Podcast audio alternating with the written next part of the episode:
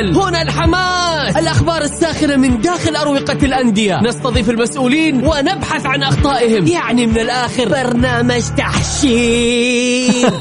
دقيقة دقيقة. تحشير إيه يا حبيبي؟ ما يحتاج كل هذا الأكشن. الوضع مختلف تماما. بناخذكم في جولة خفيفة. نناقش فيها مواضيع الرياضة ببساطة. أخبار رياضية حصريات معلومات فنية وتكتيكية ولقاءات مع لاعبين ونقاد ومسؤولين. معانا في الجولة. الآن الجولة مع محمد القحطاني على Mix FM. Mix FM هي كلها في ال mix.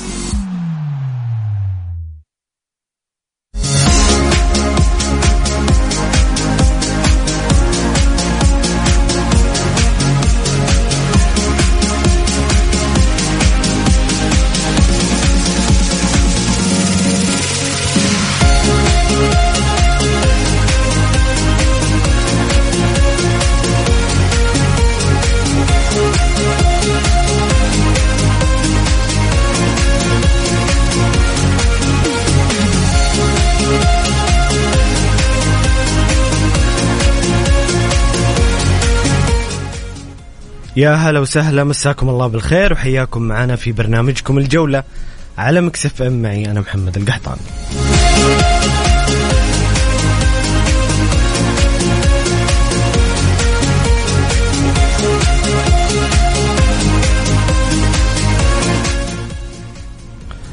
انتهى الموسم الرياضي في المملكة العربية السعودية انتهى الدوري وبطولات الكأس ولكن ما زالت الإثارة مستمرة. صفقات كبيرة جدا جدا ممكن أن تحدث هذا الأسبوع في الدوري السعودي. ما زال الشغف والإثارة مستمرة مع تتبع الجماهير والمحبين لصفقات أنديتهم.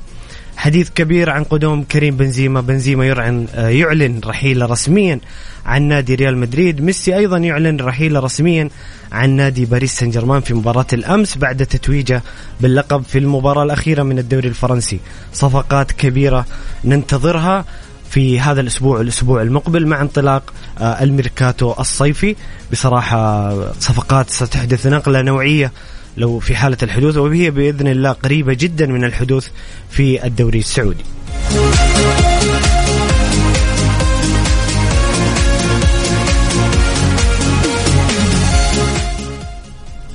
اليوم إن شاء الله مستمعين الكرام في ثنايا الحلقة بناخذكم في جولة عن أبرز الأخبار المحلية والعالمية حول الانتقالات والصفقات الممكن حدوثها في الفترة القادمة. وكذلك سنأخذ معكم آه، إحصائيات آه، الدوري بعد نهاية الدوري روشن السعودي آه، إحصائيات المهمة التي حدثت أثناء الدوري. كذلك سنتحدث عن نهائي كأس الاتحاد الإنجليزي اللي فاز فيه مانشستر سيتي بلقب الثاني هذا الموسم وهو الفريق القريب جدا من الثلاثية بعد فوزه أمس في ويمبلي. على مانشستر يونايتد بهدفين مقابل هدف. أيضا أمس كان في نهائي كأس ألمانيا ولايبزيج ينتصر على فرانكفورت بهدفين مقابل لا شيء ويضم آه، بطولة الثانية في الكأس وعلى على التوالي لايبزيج الفريق المتطور. سنتحدث أيضا عن الجولة الختامية في الدوري الإيطالي والدوري الأسباني كل ذلك في ثنايا الحلقة وعلى مدار ساعتين من الآن.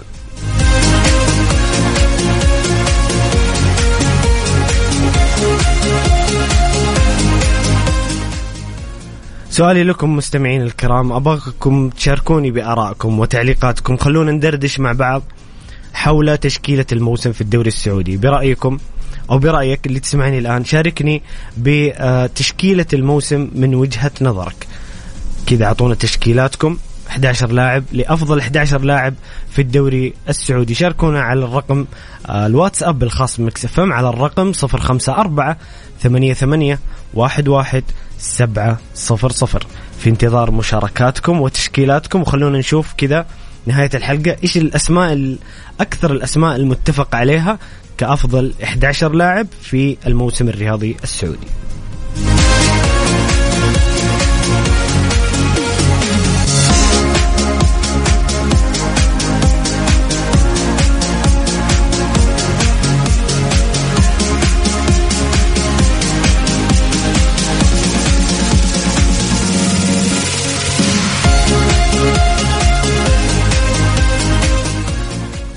يا هلا وسهلا مستمرين معاكم مستمعين الكرام في برنامجكم الجولة على مكسف ام. معي أنا محمد القحطاني.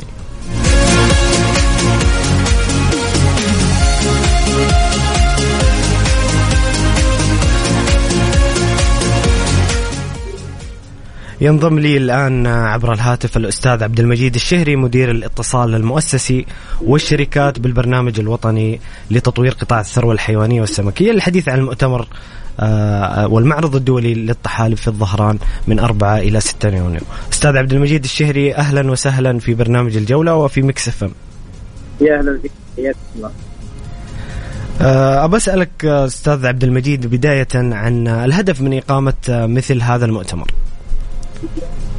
الله يحفظك سعدنا اليوم برعاية كريمة من صاحب السمو الملكي الأمير سعود بن نايف الثلاثين لأعمال المؤتمر الدولي للطحالب والذي يقام بالتزامن مع المحافظ السعودية في الثروة السمكية. آه، ينظم هذا المؤتمر بإشراف وزارة الزراعة ممثلة في البرنامج الوطني لتطوير قطاع الثروة الحيوانية والسمكية ونهدف من خلاله بمشيئة الله تعالى إلى تسليط الضوء على مجال الطحالب وقطاع الطحالب لما له من دور غذائي وبيئي كبير آه، يساهم آه، في تحقيق الأمن الغذائي وفي استدامة النظم البيئية وفقا لمستهدفات رؤيه المملكة الشريفه جميل. أستاذ عبد المجيد آه، ما هي الجهات المشاركة في المؤتمر أو المتعاونة مع المؤتمر؟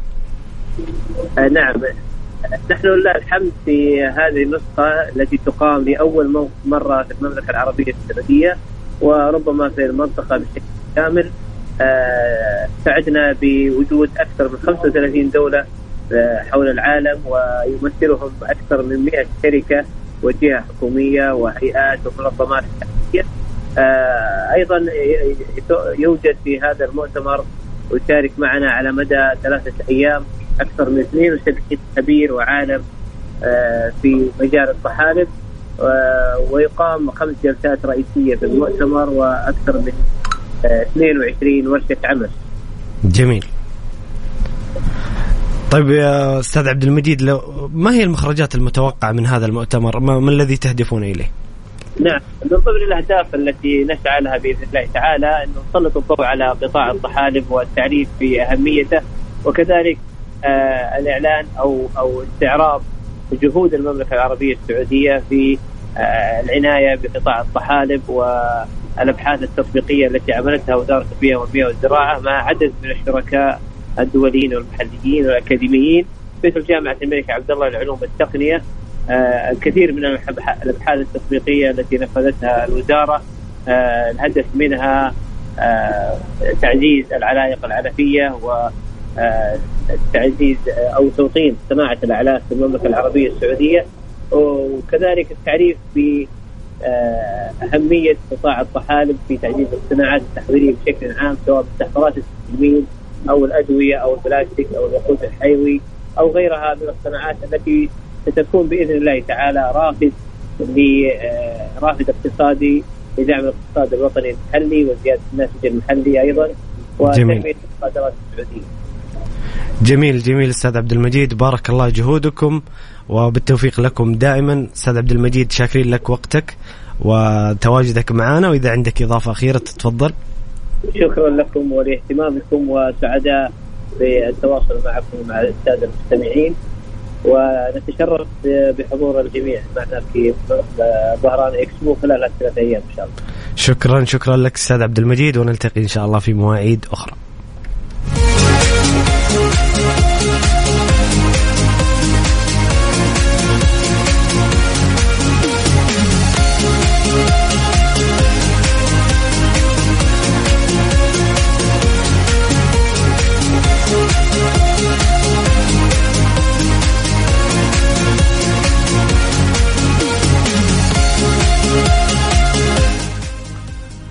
هنا مستمعنا الكريم والجميل دائما فواز يقول آه، مساء الخير عليكم جميعا. ريال مدريد وعملية تجديد كبيرة وخروج آخر نجوم الجلاكتيكوس 2009 كريم بنزيما أجمل هدف له بنظري هدفه في نهائي كييف أمام ليفربول. آه، يسأل آه، أيضا يقول هل سنشاهد قضايا مالية جديدة على الأندية؟ بيتروس وجرابان لماذا تتعاقد الأندية مع اللاعبين قبل المدربين. بالنسبة للقضايا المالية حبيبنا فواز آه، أعتقد قضية قرابان أقفلت. قضية بتروس آه، تو تو صدر الحكم فيها وأعتقد أنها ستحل يعني النصر سيدفع المبلغ للتسجيل وكذلك للمشاركة في دوري أبطال آسيا. فلذلك أعتقد أنها ستحل قريبا. وسيت هذه الأندية تعمل أصلا على صفقات كبيرة جدا وهذا حديثنا اليوم عن فترة آه، الميركات الصيفي والانتقالات اللي بيكون صيف ساخن جدا جدا في الكرة السعودية وسيكون الإثارة مستمرة طوال الصيف رغم نهاية الدوري إلا أن هناك إثارة في عالم الصفقات والميركات الصيفي. يقول لماذا تتعاقد الأندية مع اللاعبين قبل المدربين؟ والله إذا كان هذا سؤالك استنكاري أو استغراب يا فواز فأنا أتفق معك. الأندية الناجحة في العالم والأندية الأوروبية اللي في أعلى مستوى وكذلك حتى في أندية أمريكا اللاتينية المدرب هو من يختار اللاعبين هو من يختار أدواته اللي يقدر يحقق فيها استراتيجيته وأهدافه. لذلك أنا دائما أضم صوتي لصوت أو أتفق مع من يقول هو المدرب قبل اللاعبين. أول شيء لازم تتعاقد مع مدرب تدرس معه الاستراتيجيات والأهداف في الموسم وبناء على طريقة المدرب وأسلوب لعبه والرسم التكتيكي تختار الأدوات. يعني صارت مواقف كثيرة آه إنك تجيب لاعبين بعدين تجيب المدرب. المدرب يكتشف إنه اللاعب حتى لو كان جيد ترى ما لها علاقة. حتى لو كان لاعب ممتاز أو لاعب جيد لكن ممكن ما يناسب الأسلوب أو الطريقة أو ما يناسب أفكار المدرب. لذلك أنا دائما دائما مع آه، آه، التعاقد مع المدرب وبناء على رأي المدرب وبالاتفاق مع الإدارة يتم اختيار اللاعبين. أنتم مستمعين الكرام نذكركم بسؤالنا اليوم ما هي تشكيلة الموسم من وجهة نظرك؟ اللي تسمعني الآن قل لي إيش رأيك في تشكيلة الموسم للدوري السعودي؟ كذا أختار أفضل 11 لاعب.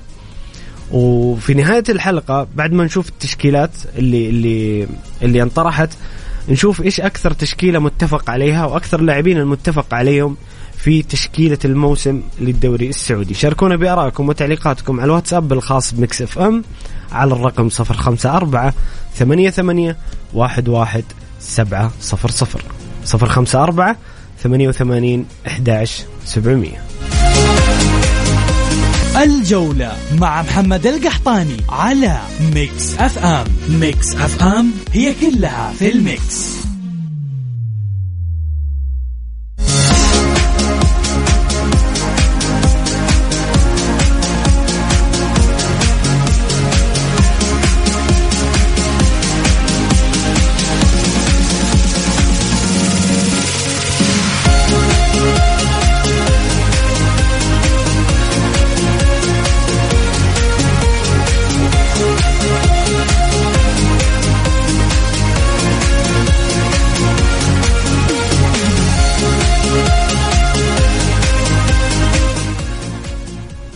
يا هلا وسهلا مستمرين معاكم مستمعين الكرام في برنامجكم الجولة على Mix FM. معي أنا محمد القحطاني.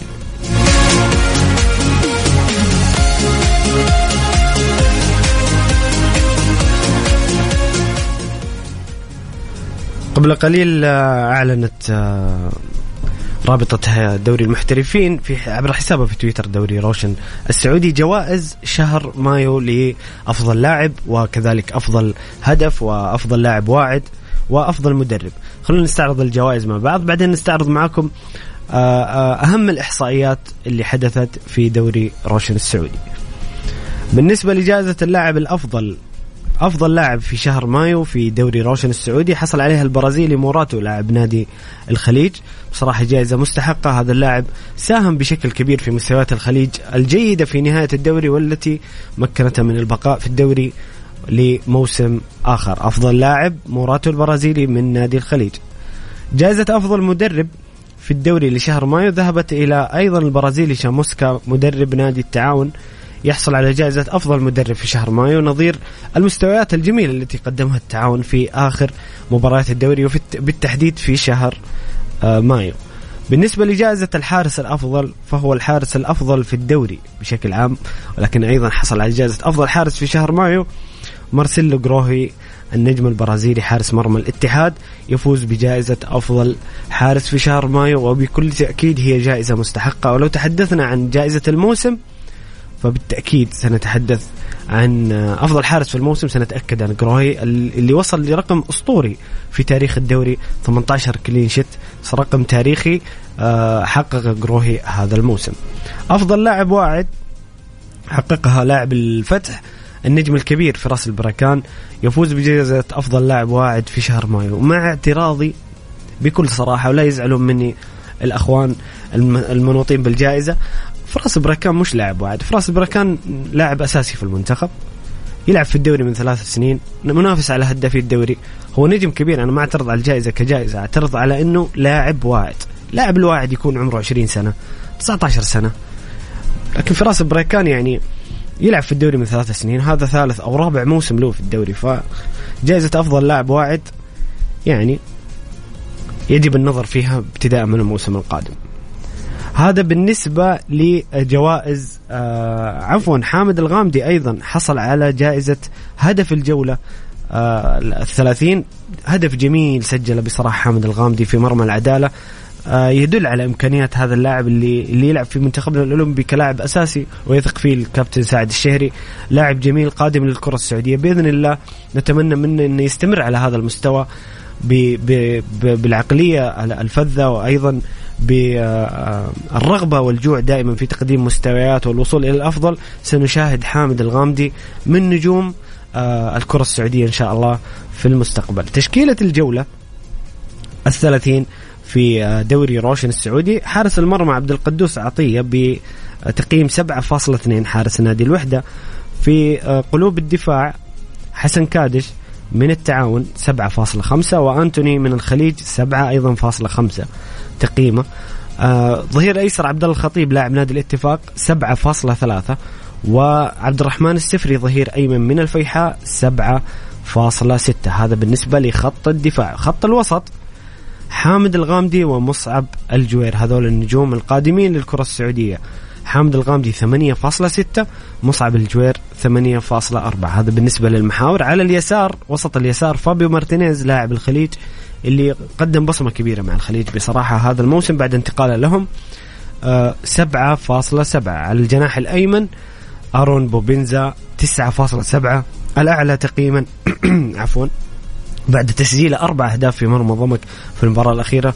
أرون أرسل رسالة للشبابين ربما ربما أنه يستطيع البقاء في الشباب وتقديم مستويات. بصراحة أرون بوبنزا لاعب بإمكانيات كبيرة. خلونا نتكلم شوي عن موضوع البلنتي. البلنتي كان ربما غير مقبول أبدا تصرف غير مقبول ضياع بلنتي بهذه الطريقة في مباراة حاسمة. ولكن إذا تكلمنا عن أرون بوبنزا كموسم هو غاب شهرين للإصابة لعب 17 مباراة سجل 14 هدف. يا جماعة رقم ممتاز وممتاز جدا. أتوقع أرون بوبينزا يستحق فرصة مع الشباب في الموسم القادم. هذا أرون بوبينزا آه، رابع لاعبي خط الوسط في تشكيلة الجولة الثلاثين. في المقدمة تاليسكا 9.1 نجم النصر وأحد هدافي الدوري وتوامبا مهاجم التعاون 7.3 هذه هي تشكيلة الجولة الثلاثين من دوري روشن السعودي. عبد القدوس عطية أنتوني حسن كادش عبد الله الخطيب عبد الرحمن السفري حامد الغامدي مصعب الجوير فابيو مارتينيز أرون بوبينزا وفي المقدمة توامبا وتاليسكا.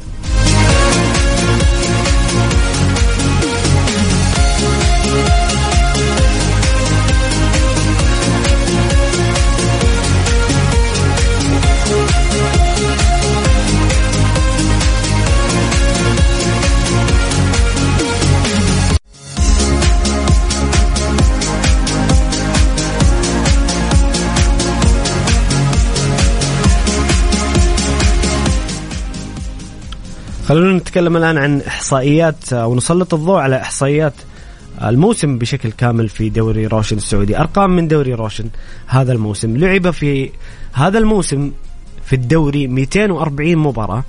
انتهت 190 مباراة بالفوز و37 مباراة بالتعادل. آه ركلات الجزاء كان عددها 96 ركلة.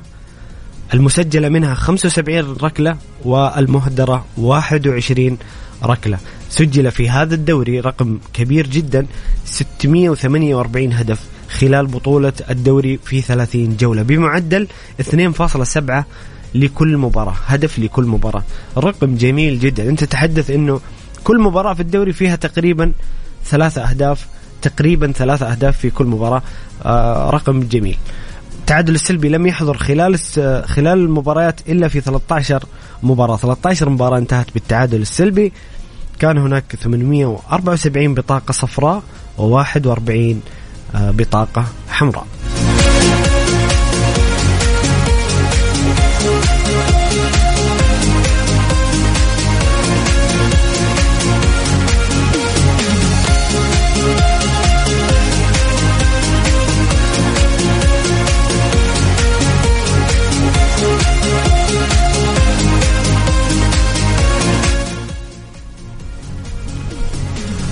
أكثر الفرق اللي فازت خارج الديار في دوري روشن هذا الموسم وهذه دائما الفوز خارج الديار دائما في العرف العالمي هو الطريق نحو البطولة أو الطريق نحو الإنجازات. لما تفوز خارج ملعبك هنا تكون قوة كبيرة. وبالطبع أكثر فريق فاز خارج الديار هو الاتحاد اللي حقق عشرة مباريات أو عشرة فوز خارج ملعبه. في المركز الأول الاتحاد بعشرة فوز خارج ملعبه آه التعاون حقق تسعة انتصارات خارج ملعبه. الهلال ثالثا بثمانية انتصارات خارج ملعبه والشباب بسبعة انتصارات خارج ملعبه.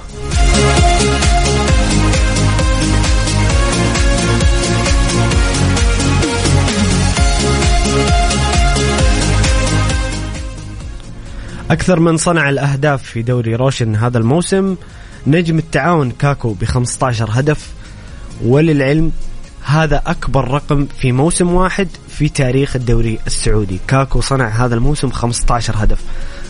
رقم عظيم جدا. أعتقد أنه لم يسلط عليه الضوء بشكل كبير. رقم يعني تخيل كم مر من الأساطير على الكرة السعودية كم مر من اللاعبين المحترفين آه العظماء. ما حد استطاع إنه يصنع 15 هدف في موسم. كاكو حقق هذا الرقم مع التعاون هذا الموسم. رقم كبير وكبير جدا لكاكو. طبعا كورنادو أيضا صنع 13 هدف وهذا تأثير كبير لكورنادو على فريقه تأثير إيجابي. 13 هدف صنع كورنادو مع الاتحاد ويوسف موسونا آه، استطاع صناعة تسع أهداف. كابتن فريق الطاي المنتقل إلى نادي الرياض اولى صفقات الرياض. وأولى صفقات الموسم اللي بصراحة عملت ضجة وضجة إيجابية. انتقال يوسف موسونا الرياض الرياض يبدأ العمل مبكرا للتجهيز للموسم القادم.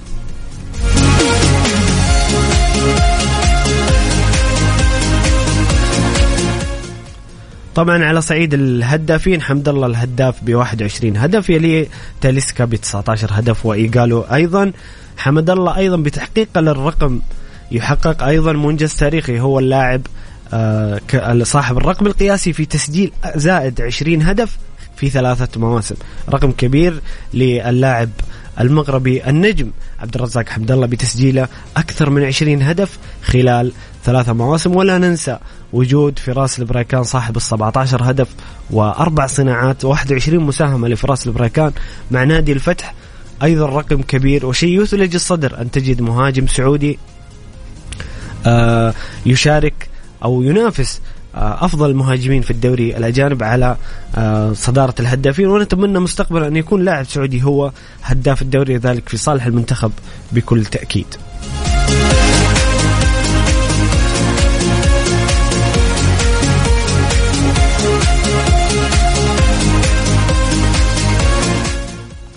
مستمعينا الكرام شاركونا بارائكم وتعليقاتكم حول آه، أرقام وإحصائيات الدوري السعودي وأيضا تشكيلة الموسم من وجهة نظركم. إيش التشكيلة المناسبة أو أفضل 11 لاعب برأيك تشوفهم آه، أفضل لاعبين في آه، هذا الموسم؟ شاركونا بتشكيلة الموسم وآراءكم وتعليقاتكم على الواتساب الخاص بمكس إف إم على الرقم 054 88 11700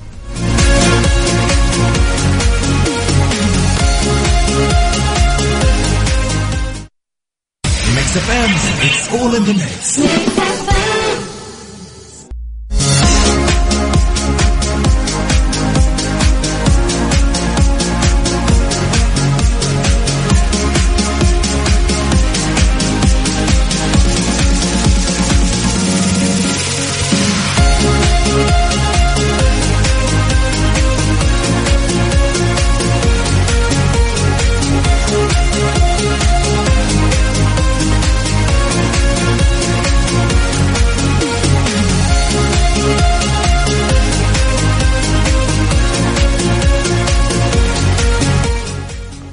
يا هلا وسهلا مستمرين معكم مستمعينا الكرام في برنامجكم الجولة على Mix FM. معي أنا محمد القحطان.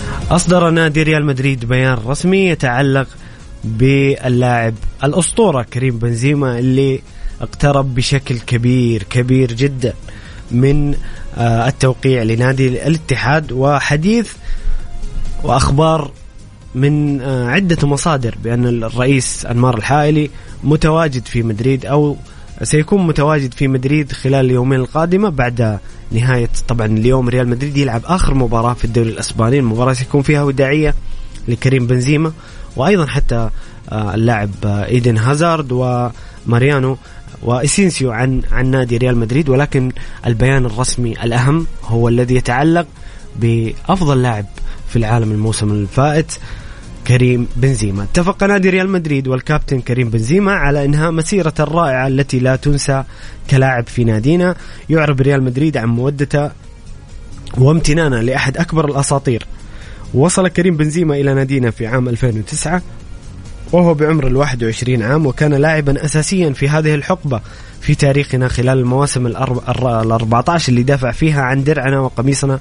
فاز ب 25 لقب محقق بذلك رقم قياسي في تاريخ ريال مدريد. دوري الأبطال خمس مرات كأس العالم الأندية خمس مرات كأس السوبر الأوروبي أربع مرات والدوري الأسباني أربع مرات كأس الملك ثلاث مرات وكأس السوبر الأسباني أربع مرات. بطولات عظيمة جدا لأبو إبراهيم مع ريال مدريد. حاز كريم بنزيما على جائزة الكرة الذهبية. هذا العام واختير لاعب العام من قبل الاتحاد الأوروبي لكرة القدم ويفا.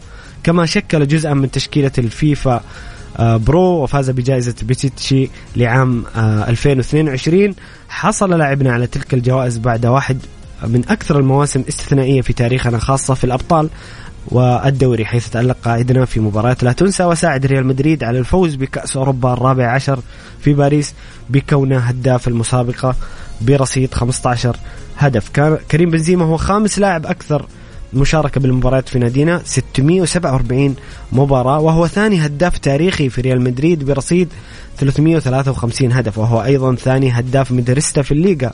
وفي كأس أبطال أوروبا كما أنه رابع هداف في دوري أبطال أوروبا في تاريخ المسابقة ورابع هداف في تاريخ الدوري الأسباني. كانت مسيرة كريم بنزيما في ريال مدريد مثالا يحتذى به وقد مثل قيم نادينا. لقد حصل كريم بنزيما على حق تقرير مستقبله.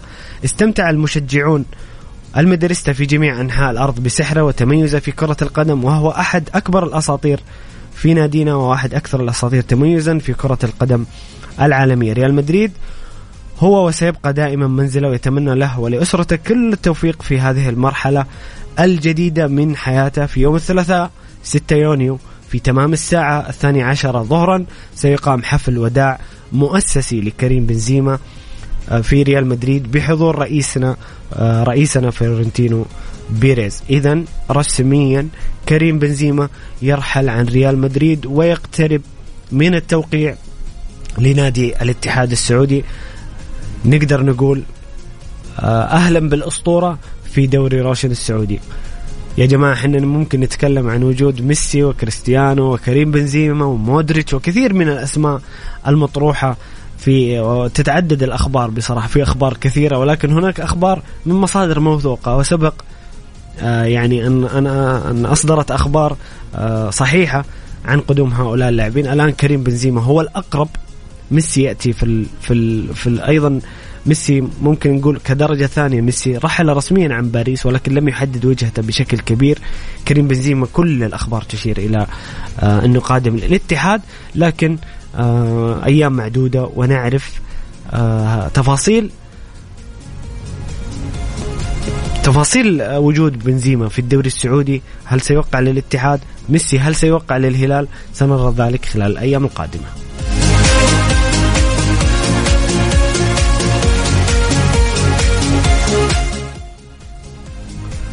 آه هنا فواز آه مستمعنا الكريم يقول إضافة إلى ما ذكرت من أرقام وإحصائيات الدوري مقسم إلى قسمين قبل المونديال وقسم ما بعده. أسوأ ما في هذا الموسم آه طول وقت بدل الضايع وكثرة التوقفات ودقائق اللعب الفعلية كانت أقل من 60 دقيقة. أنا أتفق معك أنه كان فيه يعني بسبب المونديال الرتم قل شوية لكن ترى فواز يعني هذه معلومة وليست رأي. ترى دقائق اللعب الفعلية ارتفعت هذا الموسم في الدوري السعودي. أتكلم بشكل عام. لو لو شفت الإحصائيات قبل كم سنة وتقارنها بالموسم هذا فواز أو أي أحد يسمعني من مستمعينا الكرام صدقني في تطور كبير جدا بالأرقام. هذه معلومة وليست رأي. لك أن تتخيل إنه يعني في ما أدري بالضبط متى بس قبل خمسة ستة سنين كان ممكن معدل اللعب 30 35 دقيقة. الآن ارتفع إلى تشوف مباريات 59 دقيقة 58 دقيقة. هذا تطور كبير وتطور في رتم اللاعبين وأعتقد أن وجود اللاعبين الأجانب وتطور لاعبين بصراحة أعطى نكهة وجمالية أكثر. وصدقني في الموسم القادم ستكون آه، دقائق اللعب الفعلية أكثر والرتم أفضل. طيب آه هنا مستمع الكريم مكتب اسمه يقول أنت تقول تلسكا 19 وهي والحقيقة هي آه 20 هدف أعطوا الناس حقها. شوف أنا قريت التعليق ما عندي مشكلة. والله بالغلط ترى قلت 19 يعني بالعكس أنا ذكرت إنه تاليسكا ثاني هداف الدوري فطبيعي جدا. آه 20 هدف. تاليسكا كان نجم كبير ومؤثر مع النصر بكل تأكيد. وفارق هدف لا يزعلك يا حبيبنا.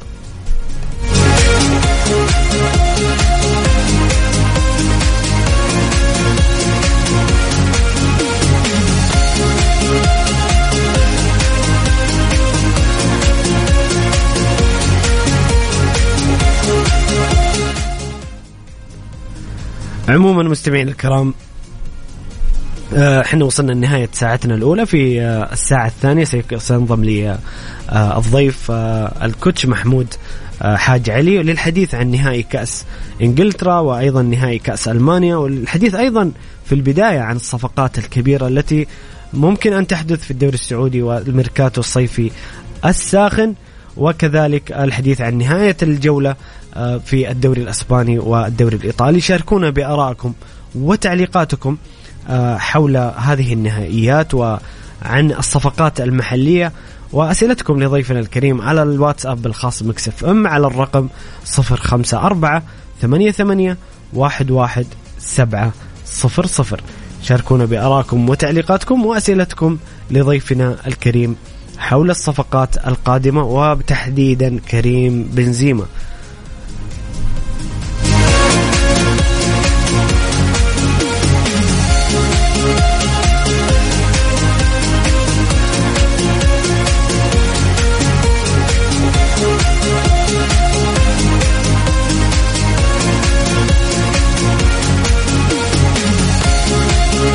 الجولة مع محمد القحطاني على Mix FM Mix FM هي كلها في ال mix.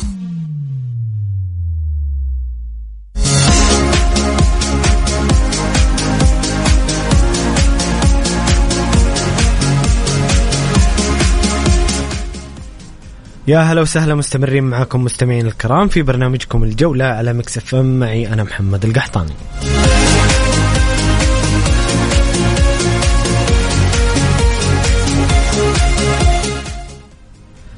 في بداية الساعة الثانية أرحب بضيفي من ألمانيا المدرب محمود حاج علي. كوتش محمود أهلا وسهلا في برنامج الجولة. الله يسعد مساك ومسا المستمعين الكرام مسا العاملين. تحياتي صديقي محمد. أهلا وسهلا يا كوتش. خلينا نبدأ معك بالحديث عن الصفقات اللي شغلة الشارع الرياضي السعودي بصراحة بشكل كبير وانتظار للصفقات القادمة في هذا الصيف. آه كريم بنزيما يعلن رحيله رسميا كوتش محمود عن ريال مدريد وكذلك ميسي يعلن رحيله رسميا عن باريس سان جيرمان آه يوم أمس في مباراة التتويج. كيف تشوف هذا الحراك في كرة القدم السعودية؟ قراءتك للمشهد الرياضي ووجود هذه الصفقات في الدوري السعودي الموسم القادم. طبعا آه، بالبداية كلياتنا شايفين نحن التطور والنمو في الدوري السعودي. وخاصة إنه كلياتنا بنعرف إنه في نية لدى المملكة بتقديم ملف لاستضافة كأس العالم في عام 2030 صحيح فجلب مثل هاي الصفقات وجلب مثل هود اللاعبين راح يعطي صيت أكبر للدوري السعودي راح يعطي صيت أكبر للمملكة وخاصة يعني نحن شفنا بعد قدوم كريستيانو رونالدو كمية القنوات الإعلامية العالمية اللي صارت تنقل الدوري السعودي صحيح. فقط لأجل كريستيانو. نقطة ثانية إحنا شفنا تقريبا قبل أسبوع أو عشر أيام لقاء مع جورجينا زوجة كريستيانو عند اللي حكت كيف كانت الفكرة المسبقة لديها وبعدين كيف عند اللي تعاملت مع الشعب السعودي وعاشت في المملكة وكيف هن مرتاحين حتى كريستيانو رونالدو كيف عبر عن آه، وجود الجماهيري الكبير في الدوري السعودي كيف انبهر بوجوده في بلد مش بيعرف عنا أي حاجة. فحاليا قدوم إن شاء الله كريم بنزيما بنسبة كبيرة اتحادي وبيستاهل الزعيم وبهالمناسبة بنبارك لعشاق الاتحاد وعشاق النمور الفوز بالدوري. وطبعا راح يكون هو ممثل المملكة في كأس العالم للأندية. آه نقطة ثانية كمان قدوم ميسي راح يعطي زخم أكبر. وما ننسى أنه من فترة قريبة جدا ميسي كان موجود في السعودية. وبهذيك الأثناء جرى حديث بين ميسي والإداريين في نادي الهلال. في أخبار وفي مفاوضات بين ميسي والهلال وفي كلمة بيناتهم ولكن كلنا ممكن إذا في فرصة يرجع على برشلونة؟ يرجع عليها. أنا برؤيتي وبنظري صعبه جدا لأنه أنت اليوم عند بدك ترجع ميسي على برشلونة في ظل التدهور المالي وعدم بيع اللاعبين وتخفيف الرواتب. اليوم عند بده يجي ميسي على برشلونة أنت بدك تبيع لاعب super star. صح جوردي ألبا راح بوسكيتس راح بيكي راح ولكن نحن بنعرف إنه الديون على برشلونة ديون كبيرة فبدهم. موارد مالية ثاني لحتى تنعش الاقتصاد. يمكن ال super ال star الوحيد اللي ممكن يبيعه برشلونة هو فرانكي دي يونج.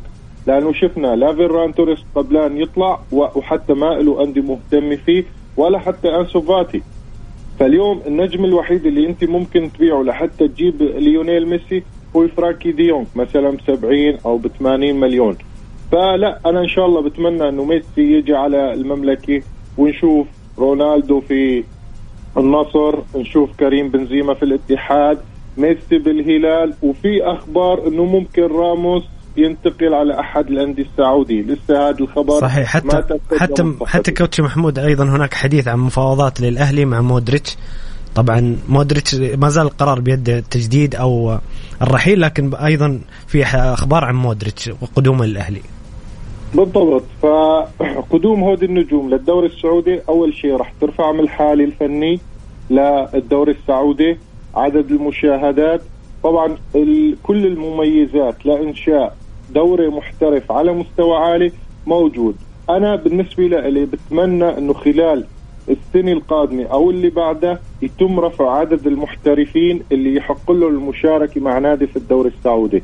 أنا اليوم عندي بدي أجيب كريستيانو وبدي أجيب ميسي وبدي أجيب بنزيما فأنا لازم طبق أعلى حدود الاحتراف. المملكة مشيت خطوة خطوة. اليوم وصلنا لمرحلة الدوري السعودي من أقوى الدوريات والدليل مشاركة الأندية آه، في أبطال آسيا التواجد دائما في الأدوار المتقدمة. الهلال هاي السنة لعب النهائي الموسم الماضي فاز في البطولة. آه عم نشوف النصر دائما على الأقل بيوصل للربع النهائي مثلا عند مثل هذا الموسم. صحيح. الاتحاد راح يشارك وكلياتنا متوقعين كمان نشوفه في آه أدوار متقدمة. فلذلك أنا بتمنى بالوقت الحالي إنه الاتحاد السعودي لكرة القدم يرفع عدد المحترفين المسموح لهم بالمشاركة مع نادي واحد.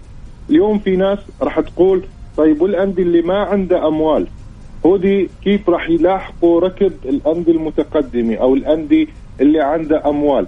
طبعا كلياتنا بنعرف إنه الهيئة عم تدعم كل الأندية السعودي وأي نادي صحيح هو هو مشروع وطني كوتش محمود ولا أقطع حديثك هو.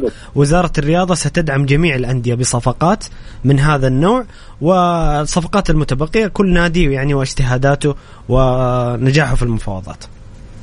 بالضبط فاليوم أنا عند اللي بيجي بحدد أي نادي كان بدي احدد صفقة أول شيء بتناسب أنا إمكانياتي كنادي لأنه نعرف في أندية توب في أندية متوسطة في أندية عم تنمو بالوقت الحالي عم تتطور بالوقت الحالي. فهون لازم تكون إدارات الأندية ذكية بانتقاء الاسم اللي يعلي له اول شيء. شعبيته يتوافق مع إمكانياته المادي لأنه اليوم أنت عند بدك تجيب لاعب محترف تمام؟ لا إما بدك تجيب هذا اللاعب المحترف وتستفيد منه على المستوى الفني على المستوى الرياضي أو راح تجيبه لحتى بس ياكل كبسة. صحيح. بكل أمانة لما راح يجي ويرفع لك وت- وتشوف أنت التحدي ويرفع من مستوى اللاعبين الموجودين عندك لما راح يجي يقول أنا بقضي لي سنتين باكل كبسة وبتمشى في السعودية وبروح على موسم الرياض وعلى جدة لكن نوعية و- كوتش محمود نوعية اللاعبين القادمين نحن نتحدث عن نوعية. بصراحة أنا هذا اللي كان يهمني في الموضوع اتقدم عن رأي شخصي. ما نبغى لاعب مجرد اسم لاعب يقدم عطاء عطاء في الملعب. ما زال لديه إمكانيات. يعني لما نتكلم عن كريم بنزيما الموسم الماضي لما نتكلم عن ميسي بطل العالم اللاعبين مثلا حققوا أفضل لاعب في العالم الموسمين الماضية. فإحنا نتحدث عن عطاء فني ما زال ما زال بإمكانهم تقديم مستويات فنية ورفع رتم الدوري. مش بس آه، هني كأشخاص كعقلي. نحن صحيح. اليوم مثلا آه، رونالدو. حاليا في أخبار كثيرة إنه إدارة النصر عم تستشير كريستيانو رونالدو في أمور فنية. كيف نرجع نرفع جودة التدريب؟ كيف نرفع جودة اللاعبين الموجودين عنا؟ مين المدرب اللي ممكن نحن يرفع لنا آه هاي الجودة؟ يعني اليوم نحن قدوم كريستيانو Ballon d'Or قدوم ميسي Ballon d'Or قدوم كريم Ballon d'Or آه مودريتش بولوندور تمام؟ فهودي اللاعبين إجباري رح يجلبوا أسماء من المدربين أسماء ثقيلة. فراح نشوف نحن الإدارات. هون راح يكون دور الإدارة. كيف أنا أقدر أتعامل مع هذا الفكر الاحترافي؟ سواء للمدربين أو سواء لهود اللاعبين النجوم اللي ممكن أنا يرسموا لي مشروع كامل أرفع فيه كل الدوري. أرفع فيه من قيمة كل الدوري بشكل عام. صحيح. وقدوم المدربين الكبار أيضا مهم جدا لبناء استراتيجيات فنية وأيضا إضافة عقلية انضباطية على جميع الأندية. تمام. أنا راح أضرب لك مثال بدولة قطر. دولة قطر فترة من الفترات جلبت لاعبين. شفنا تشافي بالساد راؤول جونزاليس بس هل برأيك إنه تم الاستفادة بشكل كبير فنيا من هود اللاعبين؟ لا. ما ما شفنا استفادة. أتفق آه. العربي جاب آه باتيستوتا شفنا أسماء كبيرة كثير جدا. جونينيو وقتها جا عالغرافة. صحيح. ولكن ما تم الاستفادة من هود اللاعبين على المستوى البعيد. ضمن أنديتهم ضمن المواسم اللي قدموها في الدوري القطري استفدنا منهم. ولكن كاستراتيجية بعيدة المدى لا نحن ما استفدنا منهم في آه، في الدوري القطري. والدليل شايفين نحن وضع الأندية في قطر. ما في أي تنافس إطلاقا في آه، دوري أبطال آسيا. آه، نتائج دائما دون المطلوب دون المستوى المطلوب من الأندية القطري فلذلك اليوم نحن عندي بدنا نجيب هود اللاعبين مع مدربين عالين الأسماء. يعني اليوم أنا عندي بيكون عندي سانتو. نونو سانتو خبرة كبيرة في الدوري الإنجليزي وشفنا اللي عملوا مع الوولفز في آه، في ال Premier League. فهذا الإنسان راح يعمل لي مشروع بعيد المدى. لازم أنا أستفيد من رؤيته الفنية. عند بجيب مثلا مدرب آخر أنا سمعت كذا مدرب راح يجي على الدوري السعودي منهم تيتي مدرب البرازيل. ممكن هو ما يعد من المدربين الممتازين ولكن مدرب جيد جدا. سواء بمسيرته مع منتخب البرازيل أو مع الأندية اللي دربها. فأنا ممكن أشوف رؤيته الفنية. صحيح صحيح كابتن. آه كوتش محمود استأذنك نطلع الفاصل ومستمعينا الكرام اللي تسمعون الآن شاركونا بآرائكم وتعليقاتكم أسئلتكم لضيفنا الكبير آه الكابتن محمود حاج علي على الواتساب الخاص بكس إف إم على الرقم 054 88 11700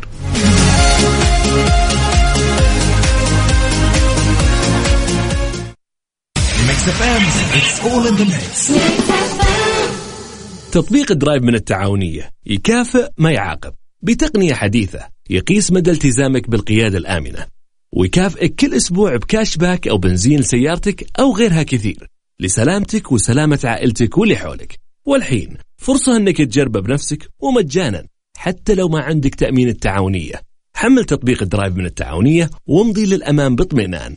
التعاونية لتطبيق الجولة مع محمد القحطاني على Mix FM Mix FM هي كلها في ال Mix.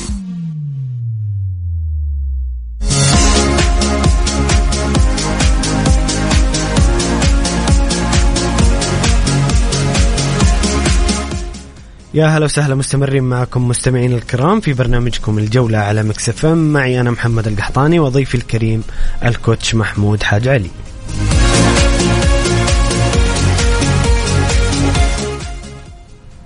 coach محمود آه، نسلط الضوء على الآن على نهائي كأس الاتحاد الإنجليزي بين مانشستر سيتي ومانشستر يونايتد ولكن آه، في سؤال من أحد المستمعين الكرام يسألك يقول هل أخطأ بيريز في عملية الإحلال والتجديد بحيث يتعذر بالمشاكل المالية أو إنجازات الفريق؟ إيش رأيك في عملية الإحلال اللي يقوم فيها ريال مدريد الآن؟ لو شفنا جماهير ريال مدريد قبل عشر أيام كلياتنا راح نشوف الغضب الكبير جدا على بيريز والمطالبة بعملية الإحلال والتجديد. فحاليا بيريز عم ينفذ مطالب جماهير ريال. لو نحن صحيح. طلعنا مين اللاعبين اللي طالعين؟ ماريانو دياز. ما له أي أهمية. هازارد اللاعب اللي كان مراهن عليه بشكل كبير ولكن لم يوفق اطلاقا اطلاقا بسبب الإصابات بسبب آه آه، عدم اقتناع المدرب فيه. آه، يمكن اللاعبين المؤثرين بالنسبة لجماهير الملكي هني أسينسيو اللي كان ممكن يطلع برقم مادي ممكن 20 30 مليون ولكن نحن نعرف ريال مدريد مش هالنادي اللي بيهتم جدا في البيع. كريم بنزيما آه، الموسم الماضي قدم موسم خرافي ولكن شفنا هذا الموسم كمية الإصابات كمية الإرهاق الكبيرة على اللاعب. فأنا بتخيل لاعب مثل كريم بنزيما أو حتى آه، ريال مدريد كنادي. آه، لاعب قضى 14 سنة مع الفريق قضى 14 سنة مع النادي. فما راح يرضى يكون لاعب احتياط. وإجباري بهذا التوقيت ريال مدريد بحاجة لمهاجم سوبر. إحنا. يمكن كنا نتكلم من العام الماضي كوتش محمود عن أهمية آه، تعاقد ريال مدريد مع مهاجم. بالضبط. فاليوم انت كريم بنزيما وصل لعمر كبير جدا. آه، ما بقى يقدر يعطيك موسم كامل. وصعب جدا بوجود كريم بنزيما إنه يلعب أي لاعب مهاجم أساسي عليه. شفنا كمية المهاجمين اللي راحوا على برشلونة. آخرهم ليفا سواريز دافيد فيا أليكسيس سانشيز. مع ذلك ما شفنا مهاجم آه، قدر ياخذ مكان كريم. رغم تواجد هيغواين فترة من الفترات مراتا ولكن ما حدا قدر ياخذ مكانه لأنه الأدوار اللي بيعملها بنزيما نحن بنعرف قديش هي أدوار مركبة وأدوار معقدة وصعب جدا أي مهاجم يقوم فيها. صحيح. فحاليا بمرحلة الإحلال والتجديد ريال مدريد بحاجة لمهاجم سوبر قادر على إنه يعطي طوال الموسم. وهذا الشيء آه، بوجود كريم بنزيما راح يكون صعب. طيب. فلذلك هي بوقتها وبتوقيتها هاي العملية. جميل coach محمود. آه، أمس في نهائي كأس الاتحاد الإنجليزي ومع نهاية الموسم في إنجلترا مانشستر سيتي يحقق لقب الثاني هذا الموسم بالفوز على مانشستر 2-1 ويقترب ربما من تحقيق ثلاثية تاريخية. كيف شفت المباراة كوتش محمود؟ قراءتك للمباراة.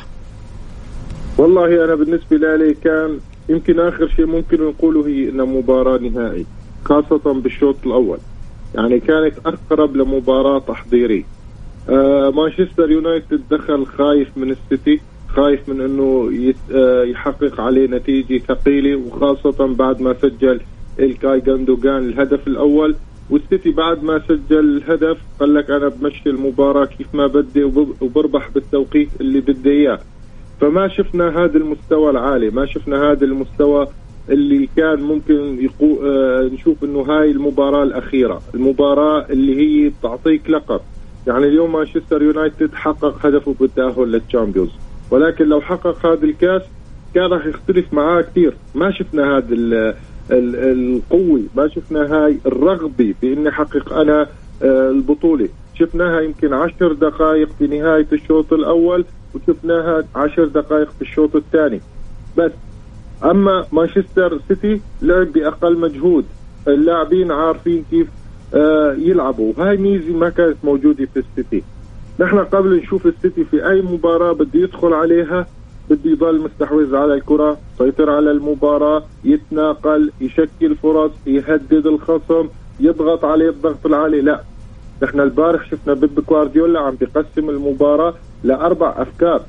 القسم الأول أنا سجلت الهدف بعدين تحولت للضغط المتوسط اعطيت شوي الكرة لمانشستر يونايتد صرت ألعب معاهم على الوسط امنع خطورتهم امنع التهديدات صحيح. تبعيتهم ولكن بنفس الوقت أنا ما بدي غامر ما بدي أعمل آه، آه، ضغط عالي ما بدي أرهق لاعيبتي أنا عندي اليوم نهائي بس عندي النهائي الأهم هو السبت القادم قدام إنتر ميلان فلو صحيح. شفنا الفريقين ما كانوا آه ما بنقدر نقول إنه والله هذا أفضل مستوى لهم وما ننسى مانشستر يونايتد بيعاني من إصابات مهمة جدا سواء بخط الدفاع آه أو بخط الهجوم حتى. يعني مارسيال آه مارتينيز أنتوني حتى سابيتزر اللي جابوه من آه بايرن ميونشن آه مصابين. أربع لاعبين هودي مؤثرين جدا في تشكيلة مانشستر يونايتد. ما كانوا ما كانوا موجودين اطلاقا عند المدرب. فالمتوقع إنه نشوف سوق ناري من مانشستر يونايتد خاصة كراس حربة وممكن نشوف حارس بديل لديخيا. ديخيا لحد الآن مشكلته تسديدات من بعيد. آه الهدفين اللي دخلوا عليه هن تسديدات من بعيد. وخاصة نحن يعني كندوغان يمكن باخر خمس سنوات أهم لاعب في العالم في الأوقات الحاسمة. الموسم الماضي جاب الدوري للسيتي. صحيح. في آخر 20 دقيقة هذا الموسم قدر يجيب له المباراة الكاس. آه طبعا اللاعب سجل هاتريك ولكن كان في goal offside فعم نشوف نحن بيب غوارديولا بهذا الموسم. حنكته التكتيكي عم بتخلي من مانشستر سيتي فريق صعب. تين هاج وفريق مانشستر يونايتد برأيه إنه الجماهير راضي. نحن اليوم داخلين قدام السيتي نخسر باثنين واحد. نشوف في مقاومة من لعيبتنا نشوف في أداء جيد من لعيبتنا. فهذا الشيء بيكفينا وبيعطينا بشر خير بتنهاج وبالمشروع القادم لمانشستر يونايتد. خاصة لو تم بيع النادي في الصيف ل آه، قطر. يعني كلنا بنعرف إنه في عرض قطري عرض قطري، نعم. يونايتد. ولكن ننتظر ونشوف إيش راح يصير. جميل آه، كوتش محمود. آه، هنا في سؤال من أحد مستمعين الكرام. يقول توقعاتك لنهائي الأبطال نهاية الأسبوع وتوقعاتك لنهائي المؤتمر الأوروبي. كذا أعطيني coach محمود توقع سريع كذا. تمام. بتوقع الانتر راح يفوز 2-1 على مانشستر سيتي وبتوقع ويست هام يفوز بهدف مقابل لا شيء. لا أنا كذا ما أقدر ما أسألك ليش الإنتر ما متوقع الإنتر coach محمود. تمام. لا لازم أسألك. وعلى فكرة أنا أتفق معك أنا ضد السردية الشعبية إنه السيتي سيفوز بسهولة في النهائي. أنا ضد هذه المقولة تماما. أعتقد إن إنتر سيكون ص- خصم صعب سواء هزم أو فاز في المباراة. لن تكون مباراة سهلة على مانشستر سيتي. أنت فسر لي كو- coach محمود قراءتك. صحيح. أول شيء الضغط النفسي الأكبر على مانشستر سيتي على عكس الإنتر. وإذا رجعنا شوي بالذاكرة لورا فهذا الشيء بيشبه بنسبة كبيرة جدا إنتر ميلان يوم اللي فاز بنهائي دوري الأبطال على بايرن. الكل كان عم بيقول المرشح الأول بايرن بايرن بايرن. صحيح. شفنا فاز الإنتر مع مورينيو وفاز. رقم اثنين أسلوب اللعب اللي بيلعب فيه الإنتر. لو راقبنا مانشستر سيتي بهذا الموسم الفرق اللي تعذب قدامه أو خسر معاها بنشوف دائما بيخسر مع الفرق اللي بتلعب بثلاث مدافعين بالخلف واللي عندها كشا- كثافي في خط الوسط. وهودي الشرطين متوفرات في إنتر ميلان. وما ننسى إنه الإنتر من نوعية الفرق اللي عندها ثلاث مهاجمين على مستوى عالي جدا من الخبرة اللي هن لأوتارو اللي بعد ما عمل عملية وبعد كأس العالم شفنا اللاعب انتفض انتفاضه كبيره جدا. متألق جدا. شفنا شفنا لوكاكو كمان آه بالوقت اللي عم بيعطيه عم بيكون مؤثر. إيدن زيكو راح تكون مباراة عاطفية بالنسبة له لأنه مثل من قبل مانشستر سيتي. وما ننسى أنه كوريا في بعض الأوقات عم بيكون أيضا حاسم. سجل إنزاكي في النهائيات. يعني إنزاكي لحد الآن خسر مباراة واحدة فقط في مباراة نهائي. ولا ما ننسى إنه من قبل فاز فيها قبل الش- الشهر الماضي فاز على فيورنتينا بنهائي الكاس. فالإنتر من نوعية الفرق المعقدة تكتيكيا. منظم جدا coach محمود. ومو بس هيك. أنت هاي السنة كلها عم نمدح بنقطة في بيب غوارديولا. إنه بلحظة من اللحظات بيتخلى عن الكرة. إنتر ما بياخذ الكرة. حتى لو أنت قلت له تفضل أنا بدي أروح دافع. بيقول لك لا والله ما بناخذها غير مرتدات إحنا ما بنلعب. فعلا، فعلا. بنلعب مرتدات.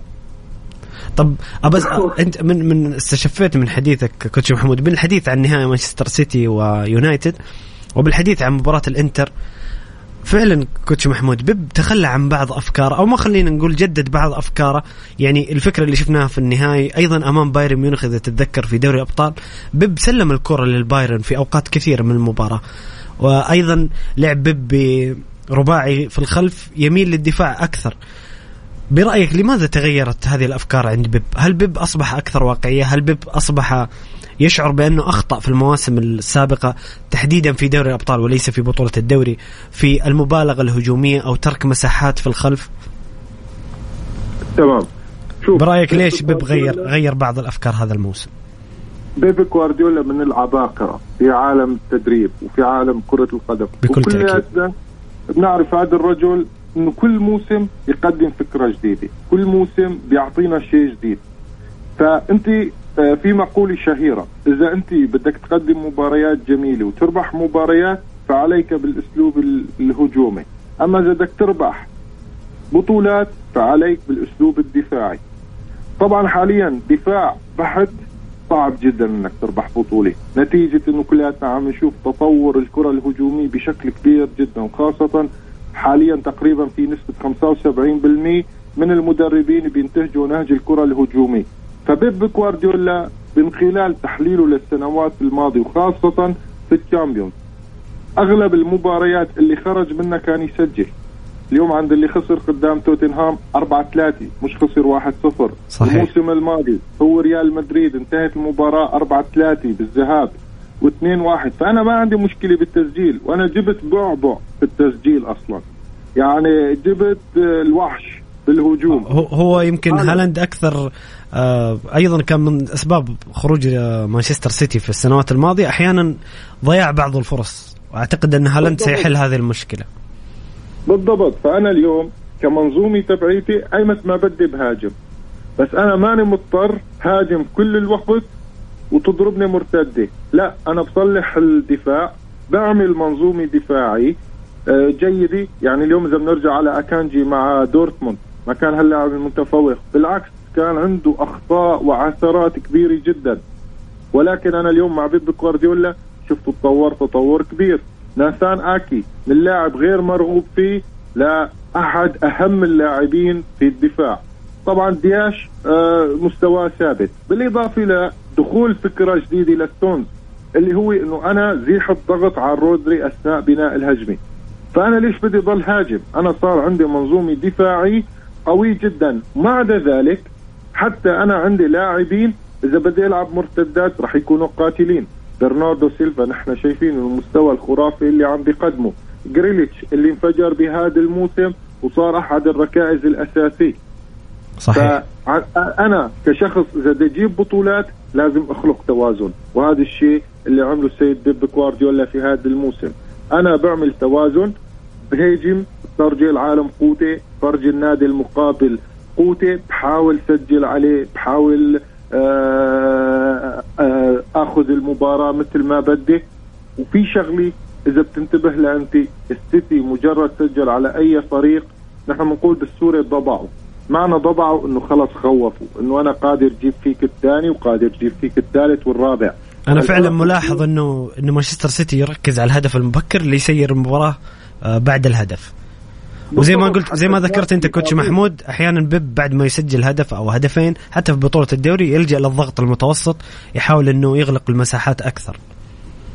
بالضبط لأنه صارت الفرق الخصوم تهاب هذا الفريق.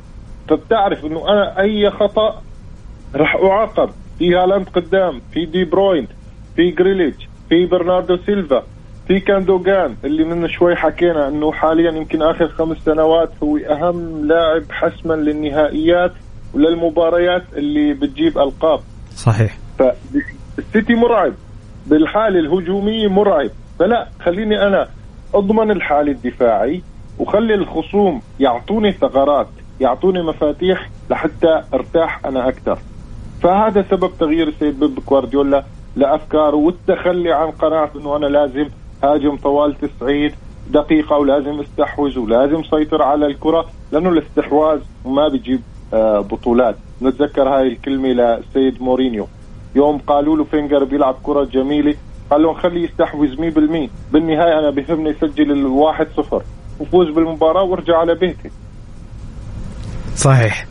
طيب coach محمود ننتقل الآن إلى نهائي كأس ألمانيا. لايبزيج يحقق اللقب للمرة الثانية على التوالي والمرة الثانية في تاريخه. لايبزيج آه، يقدم نفسه في الدوري الألماني في السنوات الاخيره كواحد من أجمل وأمتع الفرق في ألمانيا. صحيح مع المدرب ماركو روز اللي كان مدرب آه، بروسيا دورتموند وشفنا إقالته بهذا الموسم آه، بالشهر الثامن بالتاسع تقريبا. وبعدين اجى على لايبزيج والرجل عمل منظومة جيدة جدا. الهدف الأول طبعا لنكونكو اللي راح يروح على تشيلسي. فيرنر أدى كمان مستوى جيد سوبوسلاي اللي سجل الهدف الهدف الثاني. فبشكل عام لايبزيج من الفرق اللي حاليا من الفرق المحترمة في الدوري الألماني. حتى يعني أخذوا المركز الثالث. بعد البداية المتعثرة وبعد ما كان بعيد جدا عن المراكز المؤهلة لل Champions League آه رجع لايبزيج مع السيد ماركو روزي آه بالمقابل اينتراخت فرانكفورت كان مفاجئ بالنسبة للكل بهذا الموسم.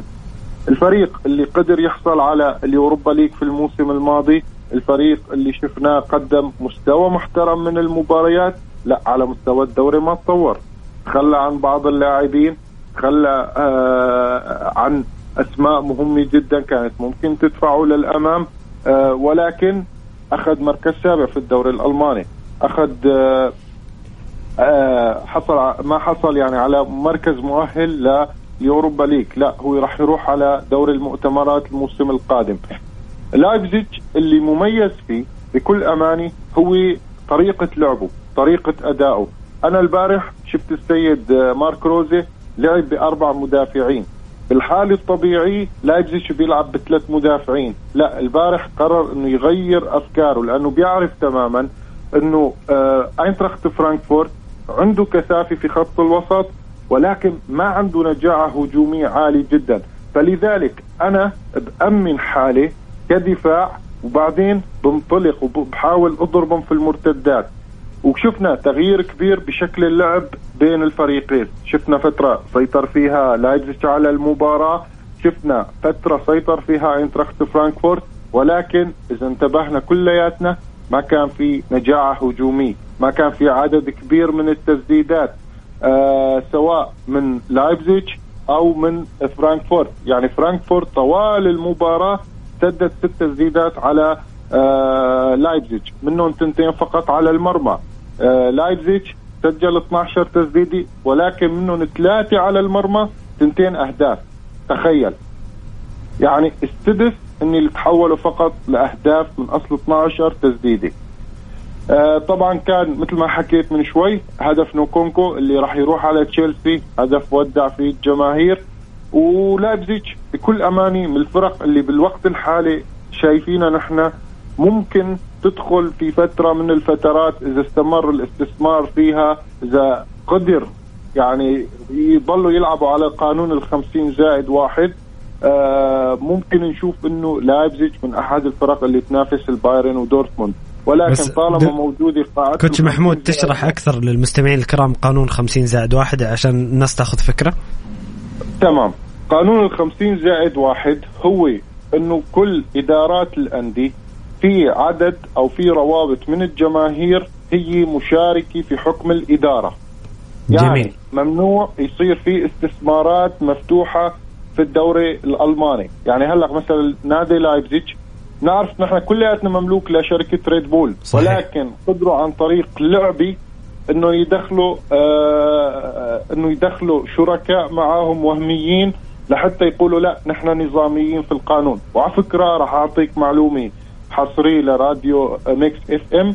من فترة آه، ثلاث أسابيع كان في اجتماع لأندية الرابطة الألماني لحتى يلغوا القانون 50 زائد واحد.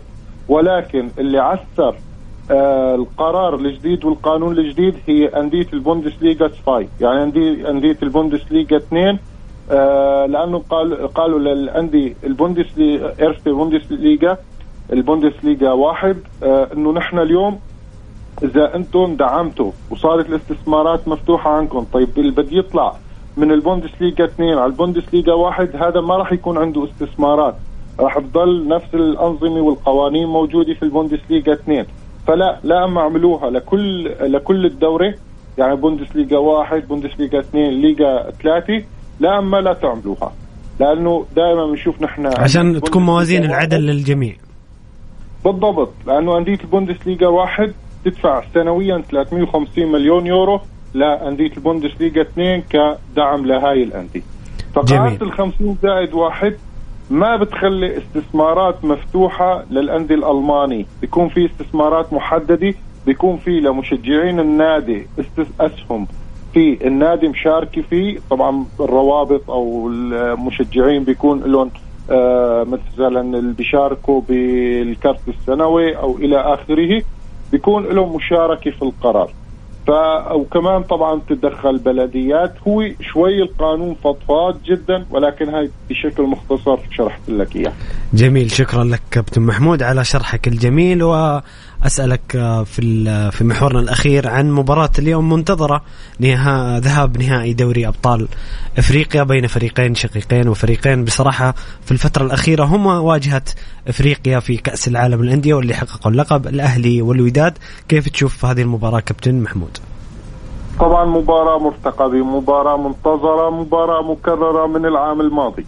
آه اليوم راح يكون الذهاب والأسبوع القادم راح يكون الإياب. آه طبعا في إصابات مؤثرة في النادي الأهلي أهمها محمد الشناوي. شفنا لاعب الوداد البيضاوي حيمود اللي حيمود سيغيب اليوم أيضا. صحيح. مين؟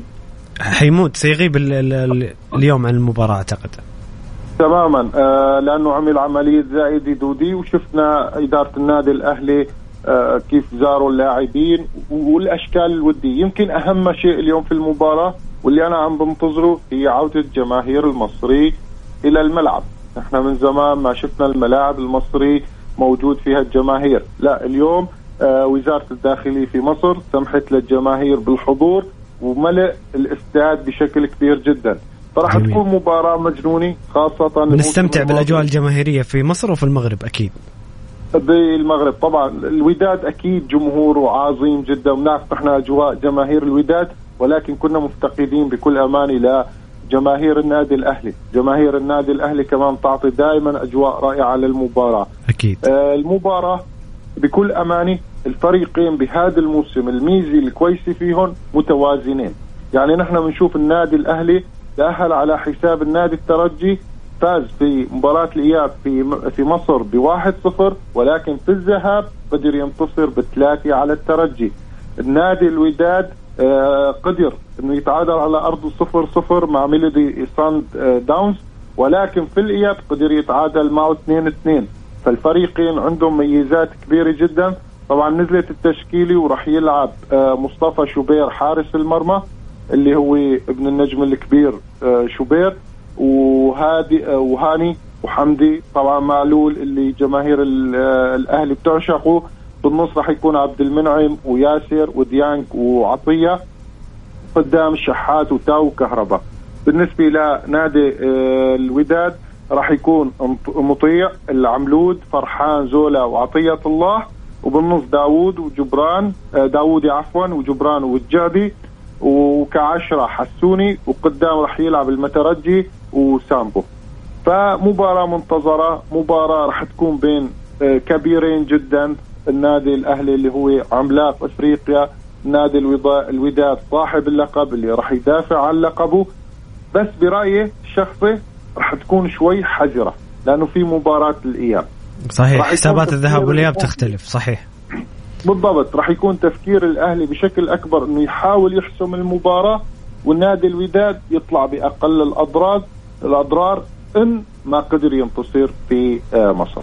جميل جميل كوتش محمود والجميل أيضا إننا سنرى نادي عربي بكل تأكيد في كأس العالم للأندية وهذا الشيء قاعد يصير السنوات الأخيرة سنرى الاتحاد والأهلي أو الوداد في كأس العالم للأندية ودائما تواجد العرب آه إن شاء الله نشوف الأندية العربية الباقية بإذن الله تتطور وتصل لهذه الأماكن.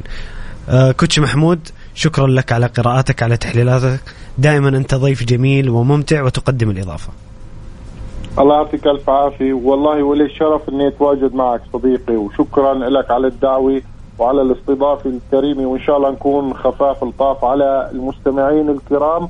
وبتشكر راديو ميكس إف إم اللي دائما بيعطينا الفرصة واللي دائما بستمتع بالتواجد معكم. يا حبيبي يا كوتش محمود شكرا لك ونلتقي إن شاء الله في مواعيد قادمة.